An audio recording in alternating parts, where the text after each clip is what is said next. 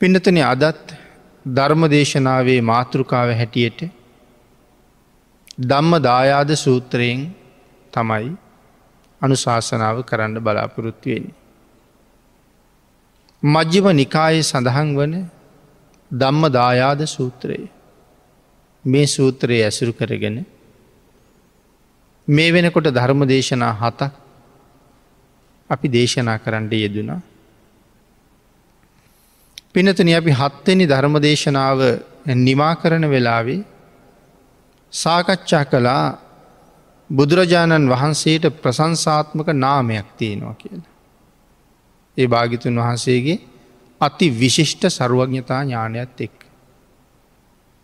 ඒ ඥානය තමයි ලෝක විදු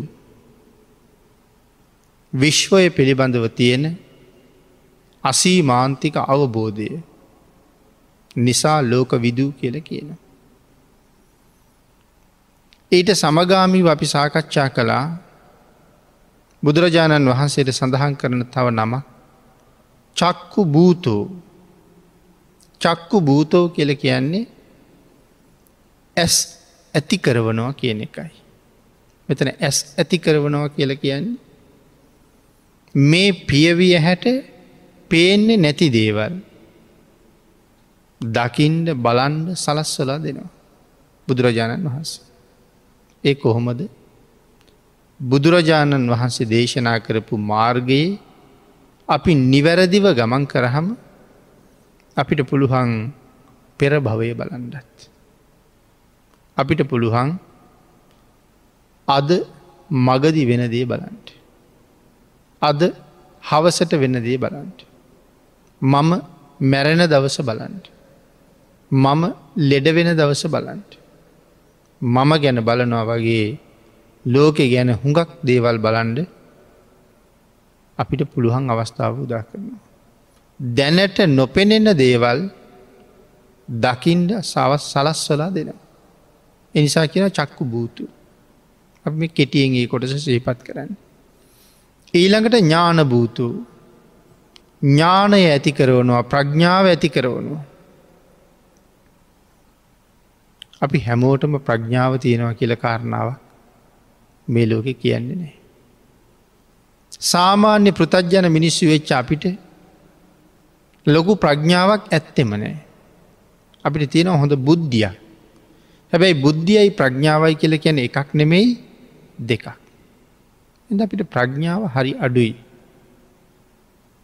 ප්‍රඥාව මනාව තිබුණන අපි මේ පංචකාම ලෝකයෙන් එතරවෙඩ උත්සාහ කරනවා. දුක තේරුම් ගන්නවා. චතුරාරි සත්‍ය ධර්මය අවබෝධ කරනවා. දුක ඉපදිච්ච තැන හොයනවා. ඉපදිච්ච තැනට පිළියන් කරනවා. මුල පැළවෙන තැන හොයල මුල ගලවුල්ල දාන්ඩුවන. ඒ වගේ දුක ඇති වෙන තැන හොයලා දුක ඇතිවෙන්ඩ එතන තියෙන හේතුව නැති කරනවා. එතකොට සමුදයත් නෑ දුකත් නෑ. ඕක අවබෝධ කරගෙන යමි කටයුතු කරනව නං දුක්ක සමුදය මේ දෙක නැති කරන්න ආංගිතෙන්ට එනවා මාර්ග ප්‍රඥාව දුක ඉපදුනේ අහවල් තැන අහවල් හේතුව නිසා මන් දුක උපදින හේතුව නැති කරන්න කටයුතු කරනවා. ඒ හේතුව දැකලා නැවත නැවත දුක් රැස් නොකරන්න කටයුතු කරන්නේ මාර්ග ප්‍රඥාව. මාර්ග ප්‍රඥාවෙන් කටයුතු කරන පුද්ගලයා නිරෝධය හොයාගෙන යන. එමන මෙතන සඳහන් කළේ ඥාන භූතෝ ඥානය ඇති කරවුණු. චතුරාර් සත්‍ය ධර්මය මනාව අවබෝධ කරගන්න තැනට අරගෙනනවා. දම්ම භූතෝ අන්‍ය සත්වයන් තුළ ධර්මය ඇති කරවනවා. භාගිතුන් වහසේ අවබෝධ කරගත්ත එ නිර්මල ධර්මරත්නය ශ්‍රද්ධාවන්තයගේ හිත් තුළ උපද්දවනවා. පැලකරෝනෝ අපිට ධර්මය උපද්දවන්ට බැරි නිසා අපිට ධර්මය අවබෝධ කරගණ්ඩ මග කියල දුන්න. ධර්මය ඉපැත් දෙව්වා අපේ හිත තුළ. භාගිතුන් වහස තනියම උපදව ගත්තා ඉට පස්සේ අපි තුළ ඉපැත් දෙව්වා. අඥා කොණ්ඩංජ මහරහතන් වහන්සට එහෙම සඳහන් කළා බුදුන් අනුව ගියපු බුද්ධානු බුද්ධයි කියලා. බුද්ධ අනුබුද්ධ කියල කෙන බුදුන් අනුව ගියපු නිසා. එනම් මේ විශ්වයේ බුදුන් අනුව ගියපු පළවෙනි ශ්‍රාවකය අඥා කොණ්ඩංජ මහරතන් වහස. භාගිතුන් වහන්සේ ගත් මග භාගිතුන් වහන්සේගෙන් අහගන අරගත්ත නිසා සියලු දෙනාටම කලින් උන්වහන්සේට රහත්වෙන්න ලැබුණ. උන්වහන්සේට ඒ උතුම් තැනට ධර්මාවබෝධයට එන්ඩ ලැබුණ අංගනිසා බුද්ධානු බුද්ධයි. එනම් දම්ම භූතෝ කියලගෙන අපේ සිත් තුළත් මේ ධර්මය උපද්ධවන්ට කටයුතු කළේ කවුද බුදුරජාණන් වහන්සේ. එනිසා ධම්ම භූත කියලා හඳුන්වනවා. බ්‍රහ්ම භූතෝ සඳහන් කරනවා අන්‍ය සත්‍යයන් ඉතා උසස් තත්වයෙන් උසස් පුද්ගලයෝ බෞඩ පත් කරවන. අන්‍ය සත්වයන් ඉතාම උසස් පුද්ගලයෝ බෞඩ පත් කරවනවා. විශ්වයේ ඉන්න උසස්ම කෙනා කවුද බුදුරජාණන් වහන්සේ. ඒ ශාසනය තුළ භික්‍ෂූන් වහන්සේලා යම් දවසක ඇතිවෙන්ඩ පටන් ගත්තද. අන්න එදා ඉඳලා උන්වහන්සේලාට දෙවියත් වැන්ද. උන්වහන්සේලාට බ්‍රහ්මයොත් වැන්ද. උන්වහන්සේලාට මිනිස්සුත් වැන්ද. එනම් බ්‍රහ්ම භූතු ඉතා උසස් තත්වයට පත් කෙරේවි කවුද බුදුරජාණන් වහන්ස. අග්‍රශ්‍රාවකයන් වහන්සේලා අග්‍රපස්ථායකයන් වහන්සේ අසු මහශ්‍රාවකයන් වහන්සේලා මහරහතන් වහන්සේලා සසරින් මිදුන අනික් රහතන් වහන්සේලා මේ සියලු දෙනා මිතා මුසස්. එතකොට මේ සාමාන්‍ය අය ඒ තරම් උසස් තත්වයට පත් කිරිවි කවුද බුදුරජාණන් වහන්ස. ආගේ නිසා බ්‍රහ්ම භූතයි කියල සඳහන් කරනවා. ඊට අමතරව බුදුරජාණන් වහන්සේට විශේෂය ගුණකතාවක් තියෙනව පින්නතින වත්තා පවත්තා කියල. ඇයි මේ වත්තා පවත්තා කියල කියන්නේ. යම් ධර්මයක් මුලින්ම දේශනා කරනවා. අපි කියමු භාගිතුන් වහසගේ මංගල ධර්ම දේශනාව. මේ උතුම් මංගල ධර්ම දේශනාව ධම්ම චක්ක පවත්තන සූත්‍ර දේශනාව දේශනා කලා විතරද මේ දැන් දේශනා කරනවත් එක්කම ඒ දේශනාව අධිෂ්ඨාන කරනවා.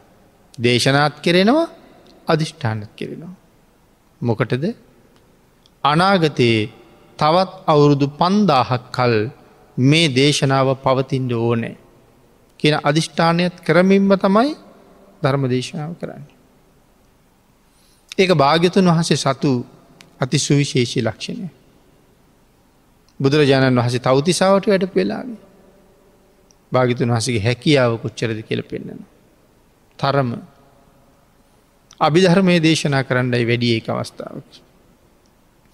මාතෘූදිව්‍ය රාජය ඇතුළු පිරිසට භාගිතුන් වහස අභිධර්මය දේශනා කරනවා. දෙවියන්ට ආවුෂ දිගහින්ද එක දිගට වැඳගෙන අහගෙන ඉන්න පුළුවන්. අනික ඒ වෙලාවි දෙවියෝ අමුතු කාරණාව අමුතු සීලයක විකාල භෝජනයක් එහෙම කතාවක් නැති නිසා. නමුත් භාගිතුන් වහන්සේ මනුස්සෙක්. ඒ නිසා දානය වලඳන වෙලාවට බුදුරජාණන් වහසේ දානය වලඳන්ඩ වලඳන්ඩ ඕනේ. නමුත් දානි වලඳන හැම වෙලාගුම් භාගිතුන් වහසේ මේ ආසනයෙන් නැගිටලා වැඩිය නං මේ දෙවිය කොච්චර වෙලා බලාගෙන ඉන්නද. මේ දේශනාව තුන් මාසයක් ඇතුළත එහුණු තිවර කරන්නද භාගිතුන් වහසට පුළුවන්. ආං ඒ නිසා දෙවියන්ට ධර්ම දේශනාව කරනවා එතකොට භාගිතුන් වහස අපි කියමු උදේ අටට දේශනාව පටන්ගත්ත කියලා. දහයට බුදුරජාණන් වහස පින්ඩ පාති වඩින නැගිටින. මේ උදාහරණයක් මම සඳහන් කරන්න. අටට දේශනාවට වාඩි වෙලා දහයට නැගිටිනවා. එතකොට නැවත දාන වලඳලා ආපහු ආසනයට වඩින්නේ දොලා හමාරට කියමු. එතකොට දහයි ඉඳලා දොර හමාර වෙනකන් කවුද දේශනාව කරන්නේ. අන්න ඒ නිසා බුදුරුවක් මවල භාගිතුන් වහස නැගිටිනකොටම ධර්මාසනය වාඩි කරවුණු. මවාපු බුදුරජාණන් වහන්සේට ධර්ම දේශනා කරන්න පුළුවන්ද. මවාපු රුවට ධර්ම දේශනා කරන්න බෑ. එහෙනම් භාගිතුන් වහසේ දහයට නැගිටලා දොලා හමාරටන ආසනයට වඩින්නේ පෑ දෙක හමාරක්. දේශනා කරන්න ධර්මය අධිෂ්ඨාන කරනවා. දැන් දේශනා කරන ගමන් ඉස්සරහට දේශනා විය යුතු ධර්මය අධිෂ්ඨාන කරනවා. එතකොට එකම හිතින් මොකද කරන කාරණ දෙක අපිට ඒක කරන්න පුළුවන්. අධිෂ්ඨාන කරල බුදුරජාණන් වහන්සේ ආසනින් නැගිටිනවා නිර්මිත බුදුරජාණන් වහසේ ධර්මාසනය වැඩඉන්නවා අධිෂ්ඨාන කරපු ධර්මයේ භාගිතුන් වහන්සේගේ හඬින්ම දේශනා වෙනවා භාගිතුන් වහස පිණ්ඩ පාතිට වඩිනවා. දෙවියෝ හිතාගෙන ඉන්නේ හැම දෙවියමන මේ සමහරය දන්නවා බුදුරජාණන් වහසේ දිග්ගටම දේශනාව කරනවා කියලා. එතකොට දේශනා කරන්න ධර්මය අධිෂ්ඨාන කරනවා වගේම ඒ අධිෂ්ඨාන කරපු ධර්මය තව අවුරුදු පන්දාහක් කල් පවතින්ඩත් අධිෂ්ඨාන කරලම තමයි ආසනින් නැගිටින්නේ. අන්න ඒක නිසා භාගිතුන් වහසට වත්තා පවත්තා කියල විශේෂ විශේෂ නමක් තියෙනවා. හැම දේශනාවක්ම එහෙමයි.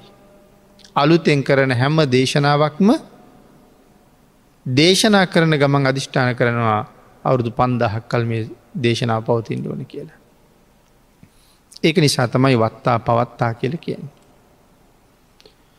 ඉළඟට පිනතින ඒ අධිෂ්ඨානය යම් තැනක ඉඳල භාගිතුන් වහස කලාද එක වෙනස් කරන්න පුළුහන්ද කාටවත් මේ විශ්වයේ කිසිම දෙවි කෙනෙකුටවත් කිසිම බ්‍රහ්ම රාජයකුටවත් මාරයටවත් මේ අධිෂ්ඨාන කරපු ධර්මරත්නය වෙනස් කරන්න වෙනස් කරන්න කවර කවමදාකවත් බේ.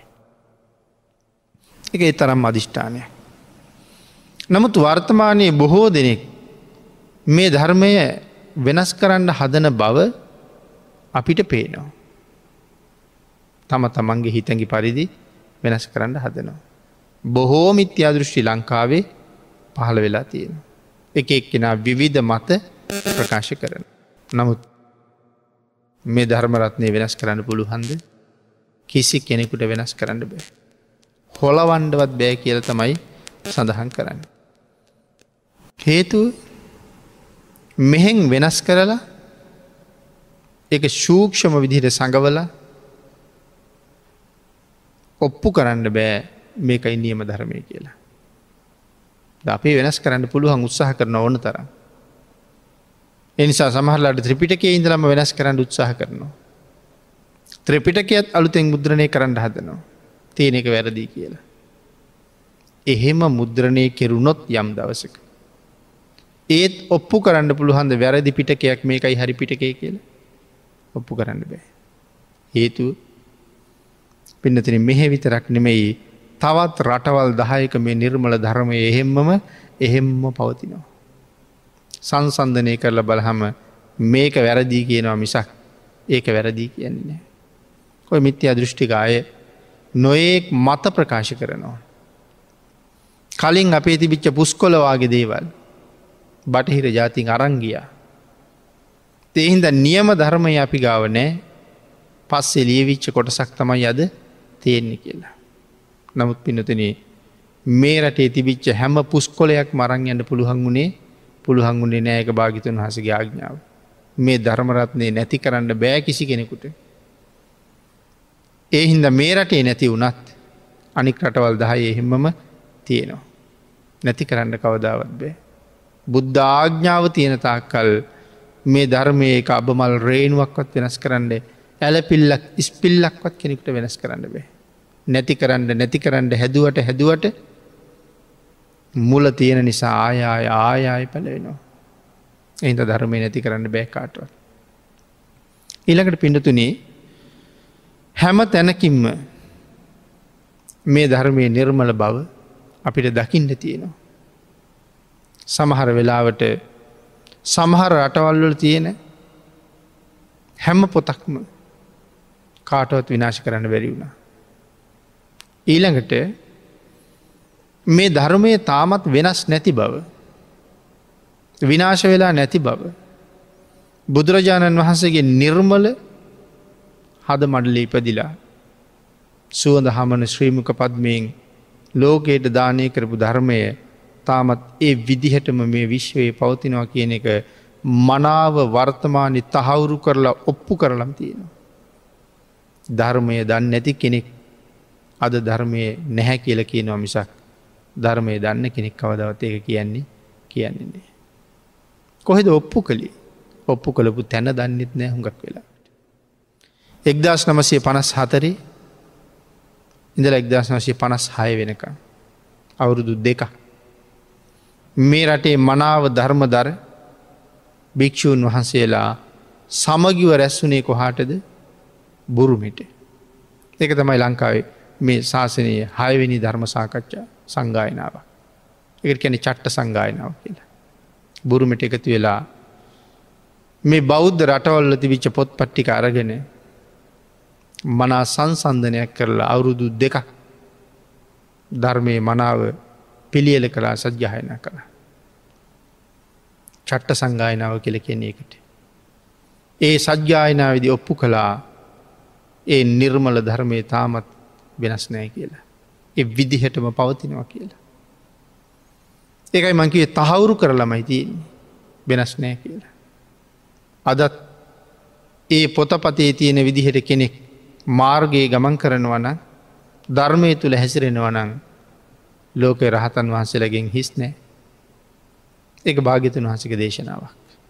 මේ කාලේ සමහර අයන කියන රහත්වෙන්ට බෑ කියලා. නමුත් අදත් ලෝක රහතන් වහසල වැඩඉන්නවා. ඒ විතරක් නෙමෙයි අදත් ප්‍රතිපදාවේ හැසිරෙන අයට ඕන තරන් ඒ ගමන යන්ඩ පුළු හංකම තියෙනවා. භාගිතුන් වහසට අවනත වෙන්ඩ විතරයවුණ. රහතන් වහසල වැඩඉන්නවා මේ ලෝක ඕන තර. නමුත් ප්‍රචලිතද ප්‍රසිද්ධද කවදාවත් කවදාවත් නෑ. මම නිතරම මතක් කරන කාරණාවක්. රහතන් වහන්සල ගාව තියෙන උතුම් ප්‍රාර්ථනා දෙකයි. පළවෙනි එක මම රහත් වන බව මේ ලෝකෙ කිසිම කෙනෙක් නොදැන ගනිත්වා. වර්තමාන ඉන්න ව්‍යාජ රහතන් වහන්සේලගේ ඒ ප්‍රතිරූපය එතනින්ම විනාස වෙනවා. හැබෑම රහතන් වහසගේ ප්‍රාර්ථනාව මම රහත් වන බව මේ ලෝක ඉන්න කිසි කෙනෙක් නොදැන ගනිත්වා. දෙවනි ප්‍රාර්ථනාව මම ලබාගත්ත උතුම් පලය මේ ලෝක ඉන්න හැම්ම කෙනෙක්ම ලබාගනිත්වා. මේ ගැන සාකච්ඡා කළොත් මේ ත්‍රිපිටකේ තුළ ඕන තරන් කරුණු දක්වන්න පුළුවන්. එක ස්වාමීන් වහන්සේ නමක් තමන්ගේ ගුරුවරයගෙන් අහනවා ස්වාමීනී රහතන් වහන්සේලා අඳුරගන්නි කොහොමද කියලා. ගුරුවරය උත්තරයක් දෙනවා ආශ්මතුනී අමාරුයි කියලා. මේ ශිෂ්‍ය හාමුදුරුව අහන්නේ ගුරුවරයගේ. නමුත් උන්වහන්සේ පැවිදි බිමට පත් කළ ගුරුවරය රහතන් වහස නම. මගේ ගුරුවරය රහත් කියල කියන්ඩ ඒ භික්ෂුව දන්නේ නෑ. ඒකයිකි නමුත් සඳහන් කලාද ඇයි මම දිහා බල්ල තේරුම් ගණ්ඩකු කියලා කොතනවත් සඳහන් කළේ නෑ අමාරුයි කියල තමයි සඳහන් කළේ. අනුරාධපුරේ යුගේ භික්‍ෂූන් වහසල දෙනමක් අවුරුදු හැට එකම ගල් ගුහාව තමයි වැඩ හිටිය. නමුත් ඒ දෙනමගෙන් එක නමක් රහත් බව හැට අවුරුද්දක් මනික් භික්‍ෂූන් වහස දන්නේ නෑ. කොතනකොවත් තමන් එවන් උතුම් තැනට ආපු බව අඟවන්නේ නෑ. මහා සමය සූත්‍රයේ දේශනා කරන්න කලින් බුදුරජාණන් වහන්සකින් කර්මස්ථාන ගත්ත රාජකුලෙෙන් පැවිදි වෙච්ච පන්සීයක් දෙනා. අන්තිම භික්‍ෂූන් වහස කමටහන් අරගෙන ගිහිල්ල වාඩි වෙනකොට. මුලින්ම කමටහන් ගත්ත භික්‍ෂූන් වහන්සේ සිව් පිළිසිඹියා සහිතව රහත් වෙලා බුදුරජාණන් වහස ළඟට ඇවිල්ල. නිසීදනය පත්කඩේ බිමේලල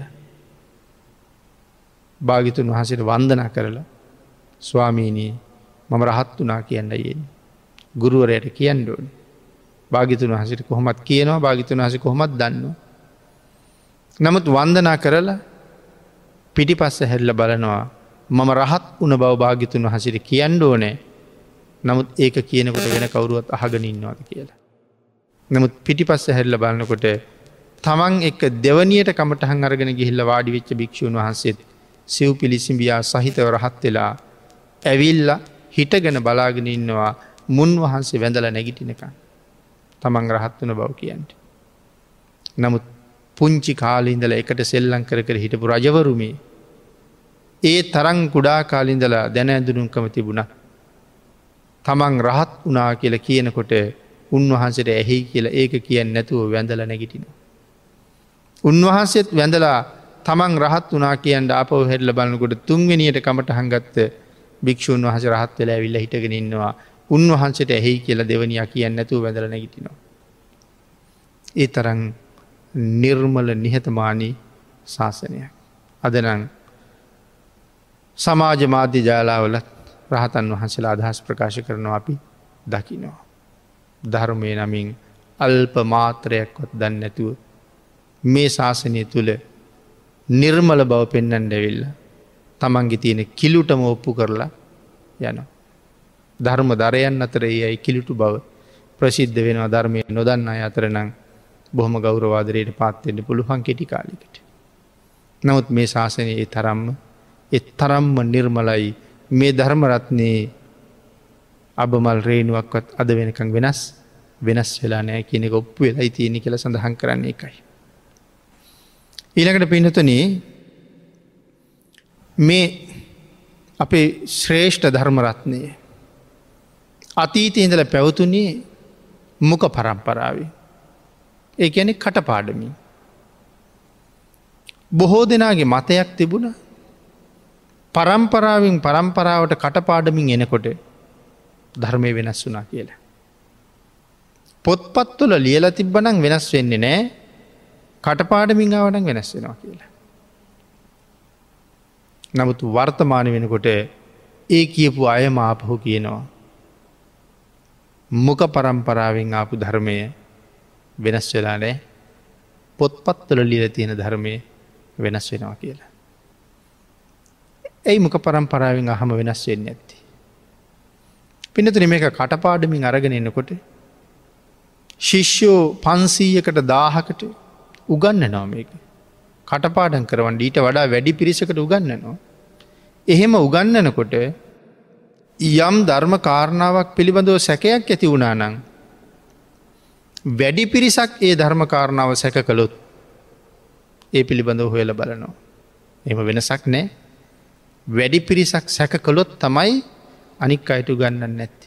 දෙන්නෙක් තුන් දෙනෙක් සැක කලාට ධර්මකාරණාව වැරදිී කියන්නේ. එහෙම වැරදිලා තිබුණොත් ඒ ධර්මකාරණාව උගන්නන්නේ නෑ. හරි කාරණාව හොයනවා. මොකද වැඩි පිරිසක් අහගෙන ඉදලා වැඩි චන්දෙන් තීරණය කරනවා මේක වැරදිී කියලා. නමුත් ඊට වඩා හරි වෙනස් නේද පොතක ලියනකොට. කෙනෙක් තමන් දන්නදේ තනියම කාමරයක් ඇතුළට වෙලා ලේකන ගත කරනවා. එතකොට අරවාගේ පිරිසක් ඉන්නවද පිරිසක් නෑ තනියම තමන්ට හිතෙන දේ යාලියනවා. ධර්මයත් එක කලවන් වෙනවා තමන්ගේ මතේ. එක මුද්‍රණය කරලා දස් ගනන් ලක්ෂ ගනන් එක මුද්‍රණ කොපි බෙදා හරිනවා. නැවත වතාවක් කවුරුවත් ඒ පොත් සිය ගානක් එක තැනට අරගෙන ඒ පොත් පෙරලගෙන මේක තියෙන අඩුපාඩු සාකච්ඡා කරනවාද කවුරුවත් සාකච්ඡා කරන්න. එහෙනම් ලියනකොට වැරදුනුත් වැරදුනාම තමයි නමුත් මුක පරම්පරාවෙන් වැරදුනුත් ඒ උගන්නනකොට හැමෝම එක පිළිගන්නේ නෑ. හැමෝම ඉල්ලකට සාකච්ඡා කරනවා. අන්න ඒක හින්දා ලියලා ගෙනාවට වඩා මුක පරම්පරාවෙන් ගෙනාපු ධර්මය පරම නිර්මලයි. ඒ නිසා මේ ධර්මරත්නයේ වෙනස් නෑ කියන කාරණාව අදටත් අදටත් මනාව ප්‍රත්‍යක්ෂ කරලයි තියෙන්නේ. ඊළඟට පින්නතුන විශේෂයෙන් සඳහන් කරන්න ඕනේ භාගිතුන් වහසේ දේශනා කරපු මේ නිර්මල ධර්මරත්නය මේ විදිහට බලහම ඉතාම හොඳට ධර්ම ගෞරවේ සහිතවම ලෝකයට ආර්යන් වහන්සේලා බිහි කරන්න පුළුවන් ශක්තිය ඇතුවම භාගිතුන් වහසේ අධිෂ්ඨාන කරපු විදිහටම තාමත් පවතිනව කියන කාරණාව අපි සියලු දෙනාටම මහා සතුටට කාරණාව. විශේෂයෙන් අපි සඳහන් කළා චට්ට සංගායනාවගෙන. මෙහෙම හයවෙනි ධර්ම සංගායනාවක් බුරුමි සිද්ධ වුණ අයික්දශ නමසේ පනස් හතර කියන කාරණාවවත් දන්න අය හුගාක් අඩුයි. නමුත් එහෙම සංගායනාවක් කරලා ධර්මය නිර්මල බවලෝකයට තහවුරු කරලයි තියෙන්නේ මනාව ධර්ම දර භික්‍ෂූන් වහන්සේලා. මහරහතන් වහන්සේලා. බුරු මේ තායිලන්තේ වගේ රටවල්ලොල අදත් රහතන් වහන්සේලා වැඩඉන්නවා. එනිසා මේ සංගායනවල්ලොල උන්වහන්සල වැඩ නොහිටියනෙමි. ආගේ නිසා රටවල් දහයකම එකම මූලාශ්‍රය එකම විදිහට තියෙන බව මනාව දන්න ලකී. පිනතින අපි සමහර වෙලාවට අද බෞද්ධ කියල කියනවා විතරයි. හුඟක් වෙලාවට අපේ නොදන්නකම මිත්‍යා දෘෂ්ටිකයෝ බොහෝසේ ප්‍රයෝජනයට ගන්න. අපි දන්නේ නෑ. දන්නේ නැති හින්දලා නොයෙක් අය නොයෙක් මත ඉදිරිපත් කරනවා. අපි හිතනවා හරි මේක තමයි හොඳ මේක තමයි නිවැරදි කියල. සමහර වෙලාවට විද්‍යුත් මාධ්‍යවල මහා විද්‍යතුන් භාගිතුන් වහසගේ සූත්‍ර දේශනාවල් අරගෙන සාකච්ඡා කරනවා. තර්ක කරනවා. වාද විවාද කරනවා. ශ්‍රාවකව ඔක්කො මහගනිදල කවුරු හරි හරි කියල තීරණය කළ නැගිටින.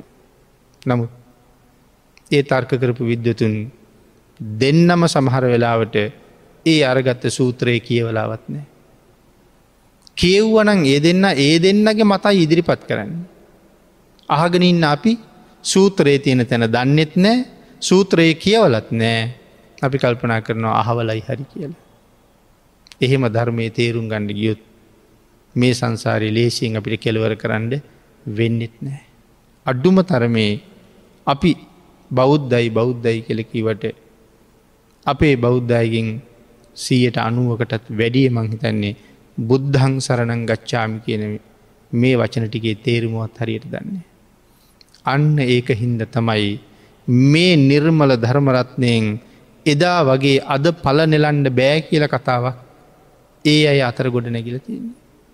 නමුත් භාගිතුන් වහස දේශනා කළේ මේ කාලෙ මහරහතන් වහසට පහළ වෙන්නෑ කියලද.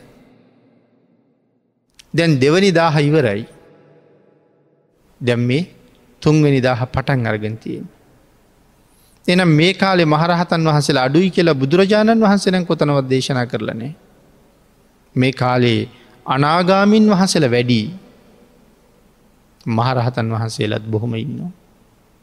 එනම් මේ කාලේ වැඩී කියල තියෙනෙ අනාගාමින් වහන්සේලා. පළවෙනිදාහ දෙවනිදාහ දෙකම රහතන් වහන්සේලම වැඩී තුන්වෙනිදාහේ රහතන් වහසල වැඩ ඉන්නවා අනාගාමින් වහසල වැඩි. නොත් අපිට හොයන්න පුළුවන් වෙයිද එහෙම වැඩ ඉන්නවා කියලා. නැහැ කියල කියන්නේ නමුත් ඇයි වැඩි වැඩියෙන් එතෙන්ට එන්නේ නැත්තේ. ඇයි වැඩි වැඩියෙන් මාර්ග පල ලැබුවේ නැත්තේ. අපේ ප්‍රතිපදාවී තියෙන දෝස තියෙන හින්දා. ධර්මය පිළිගැනීමේ ශ්‍රද්ධාවේ අඩුපාඩු තියෙන නිසයි අපිට එතෙන්ට එන්න බෙරි නැත්තං ආර්යන් වහන්සේලා බිහි කරන්ඩ ධර්මය තුළ කිසි අඩුපාඩුවක් අද අදත් නෑ. එක පන්දාහක් කල් භාගිතුන් වහසේ අධිෂ්ඨාන කළා ඒ අධිෂ්ඨානය පන්දාහක් කල් වෙනස් වෙන්නෙම නෑ භාගිතුන් වහසගේ දේශනාව පන්දාහක් වෙනකොටත් සෝවාන් වහන්සල වැඩී කියලා. රහතන් වහසේලත් නැත්ති නෑ සෝවාන් වහන්සල වැඩි. එහෙමයි භාගිතුන් වහස දේශනා කරලා තියෙන. ඒක නිසා මේ ධර්මරත්නයෙන් අපිට අහවල් කොටස නැති වෙලානය අද කියලා හිතන්ඩ කොටසක් නම් නෑ නිර්මල ධර්මරත්නය එහෙමම වැඩඉන්නවා. බෞද්ධයෙක් වෙන්න හරියටම අපි ගාව තිසරණ තියෙන්න්න මෝනේ. මොනවද තිසරණ කෙල කියන්නේ බුදුරජාණන් වහන්සේ පිළිබඳව අල්ප මාත්‍ර සැකයක් නැතිවෙන්ඩුවනේ. භාගිතුන් වහස දේශනා කරපු ධර්මය පිළිබඳව අල්ප මාත්‍ර සැකයක් නැති වෙන්ඩුවන. එතකොටයි ධර්මරත්නය සරණයන්න පුළුවන්ගන්න. බුදුරජාණන් වහන්සේගේ වහන්සේට සහ ධර්මයට අනුව මුළු ජීවිත කාලෙම ගෙවන්ඩ ප්‍රතිඥ්ඥාදීලා මේ ශාසනයට ඇතුල්ලු නාර්ය මහා සංඝයා පිළිබඳව. ඇත මේ ශාසනයට ඇතුල්ලුන සංගරත්නය පිළිබඳව සැක නැතිවෙන්න ඕනේ. එතකොට අපිට තිසරණ තියෙනවා කියල කියන්නේ. නමුත් අද අපි ධර්මරත්නයනුත් පිළිගන්නේ භාගයයි භාගිතුන් වහස දේශනා කරපු නිරයවාගේ දේවල් අද හුඟාකයි ප්‍රතික්ෂේප කරනවා. ප්‍රේතලෝක දුක්කිත තත්ත්වයන් ප්‍රතික්ෂේප කරනවා. එතකොට ධර්මරත්නයෙන් භාගයක් පිළි අරගන්නම් කවදාවත් ධර්මරත්නය සරණයන්න බෑ. බුදුරජාණන් වහන්සේ පිළිබඳව දේශනා කළත් භාගිතුන් වහසේගේ කායික ශක්තිය රූපලක්ෂණ ෂඩ්වර්ණ රශ්මිමාලාව භාගිතුන් වහසගේ ශරීර ප්‍රමාණය එවිතරක්න මේ සරුවඥතා ඥානයත් සීමා කරන්න උත්සාහ දරන අය වර්තමාඩින්නවා. නමුත් බ්‍රහ්ම භූතන් අති තුළන් කියල දේශනා කළේ. භාගිතුන් වහසේ තුළනය කරන්න පුළුවන් කෙනෙක්. ඉක්මවන්ඩ කෙනෙක් අභිවහනය කරන්න කෙනෙක් මේ ලෝකෙ කොහෙවත් කොහෙවත් නෑ. නමුත් ඔය ටික හරියට තේරුම් අරගෙන නිවැරදිවම තුනුරුවන් සරණ ගීපු කෙනෙකුට තමයි මේ ලෝකේ බෞද්ධ කියල කියන්නේ. එය හරි ශ්‍රේෂ්ඨ කෙනෙක් තිසරණ තියෙනවා පන්සිල් තියෙනවා. කොච්චර ශ්‍රේෂ්ඨද කියන කාරණාව ඕන තරන් ධර්ම දේශනාවල්ල සාකච්ඡා කරන. මේ ශාසනයේ පල් හැම ප්‍රාථමිකම කෙනා තිසරණයි පන්සිල්වී තියෙන කෙන. තාම පන්සිල් නැත්තම්. තාම තිසරණ නැත්තං තාම බෞද්ධ වෙලා නෑ කියන එකම මතක තියගණ්ඩුවන්නේ. තිසරණයි පන්සිලි යමෙක් තුළ තියෙනවනං දක්කින විභංගේදි සඳහන් කළේ යම් තැනක ඔහුට බත්වේලක් දීගණ්ඩ යමෙකුට ලැබුණොත් අනාගත ජීවිත අසංකෙය ආහාර පානනං හිගනෑ සංසාරි කියලා. එතකොට මමත් එතෙන්ට ගිහිල්ල කියලා හිතන්ට ඔබට ශක්තිය තිබුණුත් එකැන ඔබ එතන ඉන්නවා කියලා. ඔබ ළඟත් තිසරණයි පන්සිලී තියෙනවා කියලා නිවැරදිව ඔබට හිතන්ඩ පුළුවන් වුණොත් ඔබ වටේ ඉන්න අයට මොන ලාභයක් ලැබෙනවාද කියලා කල්පන කරට. මේ ශාසනයේ තුළට යම් කෙනෙක් ආවන ඔහු හරියට පහනක් වගේ. පොඩි පහනක් නෙමෙයි විශාලාලෝකයක් පතුරුවන පහනක් වගේ. එක්කෙන ඉගුණ පුරන්නේ නමුත් දන් දෙන සිය ගානකට කෝටි ගානකට ප්‍රකෝටි ගානකට ලැබෙන්නේ පුදුම පුදුමලාභයක්. ඔහු අනුව ගිහිල්ල තව කෙනෙක් එතින්ට අවුත් ලෝකයට මොන යහපතක්ද. මේ රටෙන් භාගයක් එතෙන්ට අවුත් මේ රට මොන තරං වාසනාවන්ත වෙයිද ආපහු සැරය අපි කල්පනා කරන්නු එතෙන්ට යන්ට. අපි තුළ තිබිය යුත්තේ එතෙන්ට යන්ඩ උත්සාහය. බුදුරජාණන් වහන්සට කීකරුවෙන එකයි වටින්නේ. ආං එහෙම වෙන්ඩ පටන් ගත්තොත් පිනතුන අපිට එළඹෙමින් තියෙන මේ නොයේ කරදර උපද්‍රව රෝගපීඩා හැම එකක්ම ක්‍රමක්‍රමයෙන් ක්‍රමක්‍රමයෙන් දුරුවෙන්ට පටන් ගන්න. එහෙම නැතිවුණොත් එන්ඩ එන්ඩ ඉදිරියට තියෙන්නේ මහ පුදුම කරදරකාරී යුගයක් බවට පත්තෙන්ට පුළුවන්. අව්ුවෙන් හානිවෙයි වැස්සෙන් හානිවෙයි හුළගෙන් හානිවෙයි නායෑම් වලින් හානිවෙයි වසංගත රෝග වැඩිවෙයි සතුරු කරදර වැඩිවෙයි. එද භාගිතන් වහස දේශනා කරපු මගට එන එක තමයි මේ සියලු උපද්‍රව පලවාහරින්ඩත් සියරු සතුරං පලවාහරින්ඩ අපි කළ යුතු එකමති. අපිත් රැකිල රටත් රැකගෙන ශාසනයත් ආරක්ෂා කරනවා නං අපිට තියෙන අවි අතට ගණ්ඩනීම. අපිට තින ධර්මය අතට ගන්ට. ධර්ම දරයෙන් බවට පත්තිට. අවි ගණ්ඩ පිරිසක් ඉන්නවා රටේ. ඒකට ත්‍රවිධ හමුදාවක් ඉන්නවා පොලිසියක් ඉන්නවා. ඒ අය ඒගොල්ලු ඒ රාජකාරිය කරන අතරේ අපි භාගිතුන් වහසගේ ධර්මයටම දායාද වුණොත්. පිරිසක් සිල්වත් එන්ට පටන් ගත්තොත් රට ඇතුළි. අරගොල්ලන්ට ඒගොල්ලන්ගේ කාර්යත් පහසු වෙනවා. අපිට කොහොමත් සුගතිය කරා ගමන් කරන්න ලේසි වෙන. විය යුත්ත ඒක. නමුත් අපි ඇතින් නොවෙන්නෙම නොවෙන්න මේක.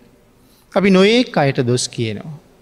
සමහර වෙලාවට සමහර ආගමික කණ්ඩායමක් තමන්ගේ ආගම වෙනුවෙන් ජීවිතෙත් පරිත්‍යාග කරනකොට අපි අපේ ශාසනය වෙනුවෙන් මොනවද කළේ කියලා ආපහු හිතන්ඩ අපිට සිද්ධ වෙනවා. එනිසා අපි ධර්මයෙන් ඈත් වනා මිසක් ධර්මය කවදාවත් අපි අත්හැරල ගිහිල්ල අප අත්හැරල ගිහිල්ල නෑ. පන්දාහක් කල් අධිෂ්ඨාන කලානං බුදුරජාණන් වහන්සේ එය එසේම තමයි. නමුත් පින්නතුනී යමෙක් මේ මාර්ගඵල නිවන තමන් තුළ උපදවනව නං සඳහන් කළා එය දරන්නේ භාගිතුන් වහන්සේගේ උපදේශය මත පිහිටලා නිසා ඒ පුද්ගලයන්ගේ මාර්ගයත් පලයත් නිර්වාණයට හරියටම අයිති වෙන විදිහට බුදුරජාණන් වහන්සේ දේශනා කරලා තියෙන. හැබැයි ඒක ලබන්ඩ භාගිතුන් වහසේ දේශනා කරපු විදිහටම තමයි අපි කටයුතු කරන්න ඕනේ. නිර්වාණයට හරියටම අයිති වෙන විදිහටම බුදුරජාණන් වහන්සේට අයිති වෙන. භාගිතුන් වහන්සේට ලංවුණා වෙනවා. එහෙම නැත්තන් අපි ධර්මයෙන් ඇත්තෙන්ට ඇත්තෙන්ට අපිට ධර්මරත්නය තියෙන සරණ පිහිට අහිමි වෙලා යන. පිනතින බුදුරජාණන් වහන්සේට අපි හැම වෙලාම නයයි. මේ ධම්ම දායාද සූත්‍රයෙන් විශේෂයෙන් සඳහන් කරන්නේ යයි. භාගිතුන් වහසට කොහොමත් අපි නයයි.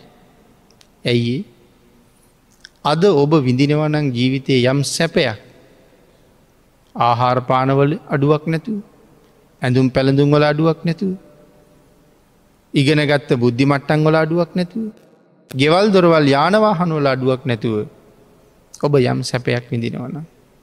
යටත් පිරිසෙන් අනුන්ට අතපාන්නේ නැතුව හිතේ සතුටින් කාලබීල ජීවත්වෙනව නං ඒකටත් අපි කාටද නය ඒකටත් නයයි බුදුරජාණන් වහන්සට.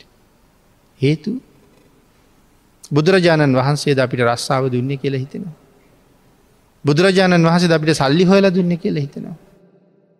අපිට සල්ලි හම්බු නිරස්සාාව හින්ද.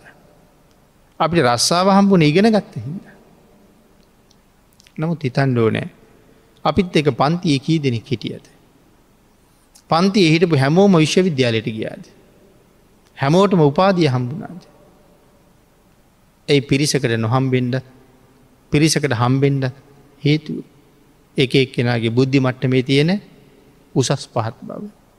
එනම් ඒවාගේ උසස් ප්‍රඥාවක් උසස් බුද්ධියක් ලබන්ඩ මට පුළුවන් වෙන්ඩත් අනික් අයට බැරිවෙන්ඩත් හේතුව මොකක්ද කියල හිතහම සම්බුද්ධ ශාසනය මුල් කරගෙනම පෙර අතීත සංසාරවල අපි කරපු මහපින්කංවල ප්‍රතිඵල හැටියට අපිට යම් සිවුම් විදිහේ බුද්ධියක් අනික් අයට වඩා ලැබිල තියෙන. නමුත් කෙනෙක් උත්සාහ කලා වෛද්‍යවරයෙක් වෙන්ඩ. පළවෙනි පාර දෙවනි පාර තුන්වෙනි පාර උත්සාහ කලා අවස්ථා තුනේ මොහුට වෛද්‍යවරයෙක් වෙන්ඩ බැරි වුණා.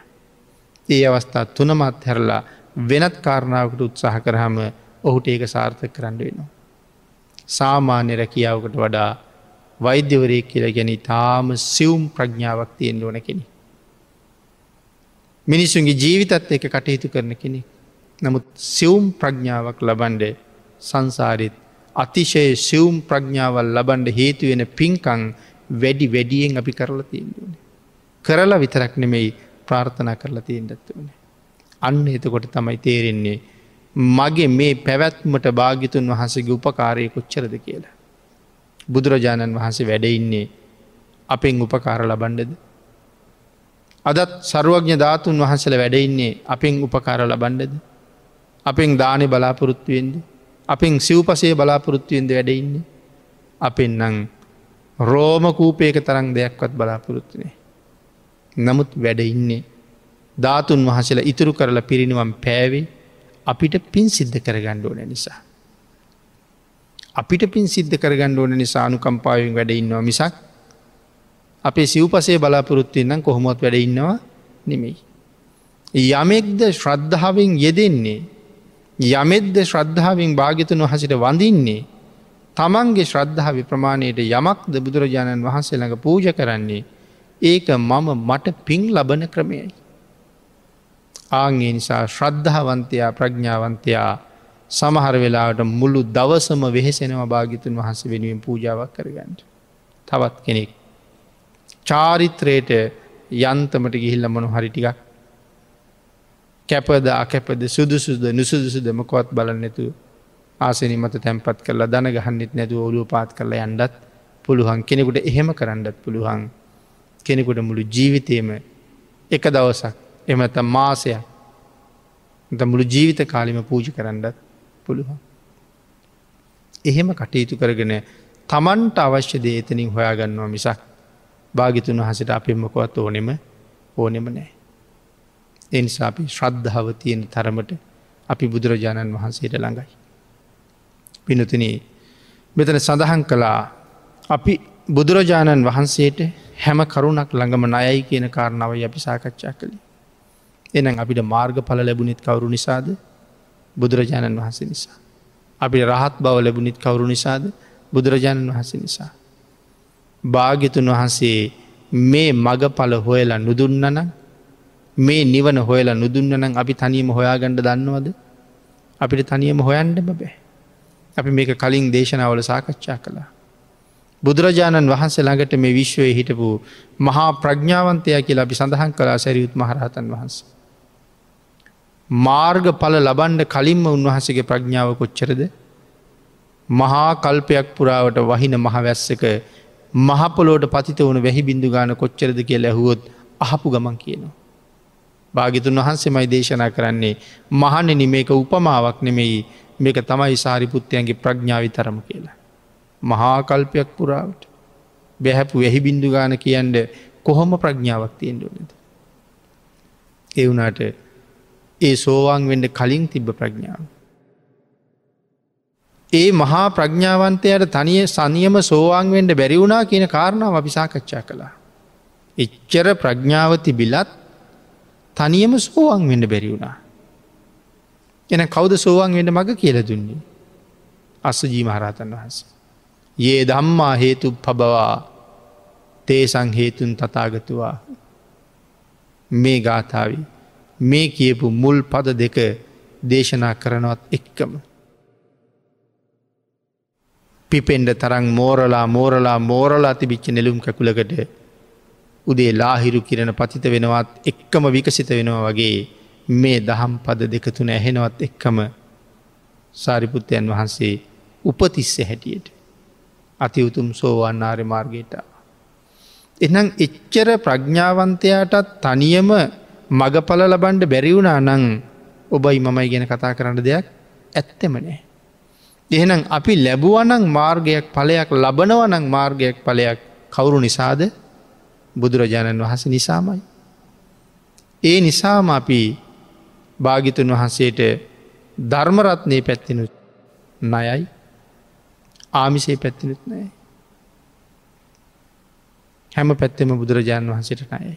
අපි විඳෙන හැම සැපයක් සම්බන්ධයෙන්ම භාගිතුන් වහන්සේට නයයි. මේ ජීවිතවල විඳින යම් දුකක්ද තියෙන්නේ ඒ හැම දුකක්ම භාගිතුන් වහසට පිටු පාපු නිසා අත්තෙච්ච දුකක් මයිතියෙන්. ආගේ නිසා ලොවතුරා බුදුරජාණන් වහන්සේ මේ ධම්ම දායාද සූත්‍රයෙන් හැම්ම තැනම අපට දේශනා කරන්න මහනිනී මම නිසා ඉපදිච්ච ධර්මය නිසා ඉපදිච්ච ආමිසයට කවදාවත් දායද වෙන්ඩිපා. මම විසින් දේශනා කරපු ධර්මයට දායාද වෙන්ඩ. ඒ ධර්ම මාර්ගය යනකොට ආමිස සම්පත් ඕන තරං ලැබෙයි. නමුත් ඒ ආමිසය හොයන්ඩ හිතාගෙන මේ ශාසනය කටයුතු කරන්න එපා. භාගිතුන් වහස දේශනා කරපු ධර්මය ප්‍රගුණ කිරීම උදෙසා විතරක් ශාසනය කටයුතු කරන්න කෙලෙයි දේශනා කළේ. ධර්ම දේශනාවට තියෙන කාලයේ නිමාවමින් තියෙන නිසා. ධම්ම දායාද සූත්‍රය තුළින් අපි සාකච්ඡා කරපු අටවිනි ධර්ම දේශනාව අපි මේ විදිහට නිමා කරමින්. ඊළඟ දේශනාවදි මේ සූත්‍රයෙන් තවත් කොටසක් සාකච්ඡා කරමු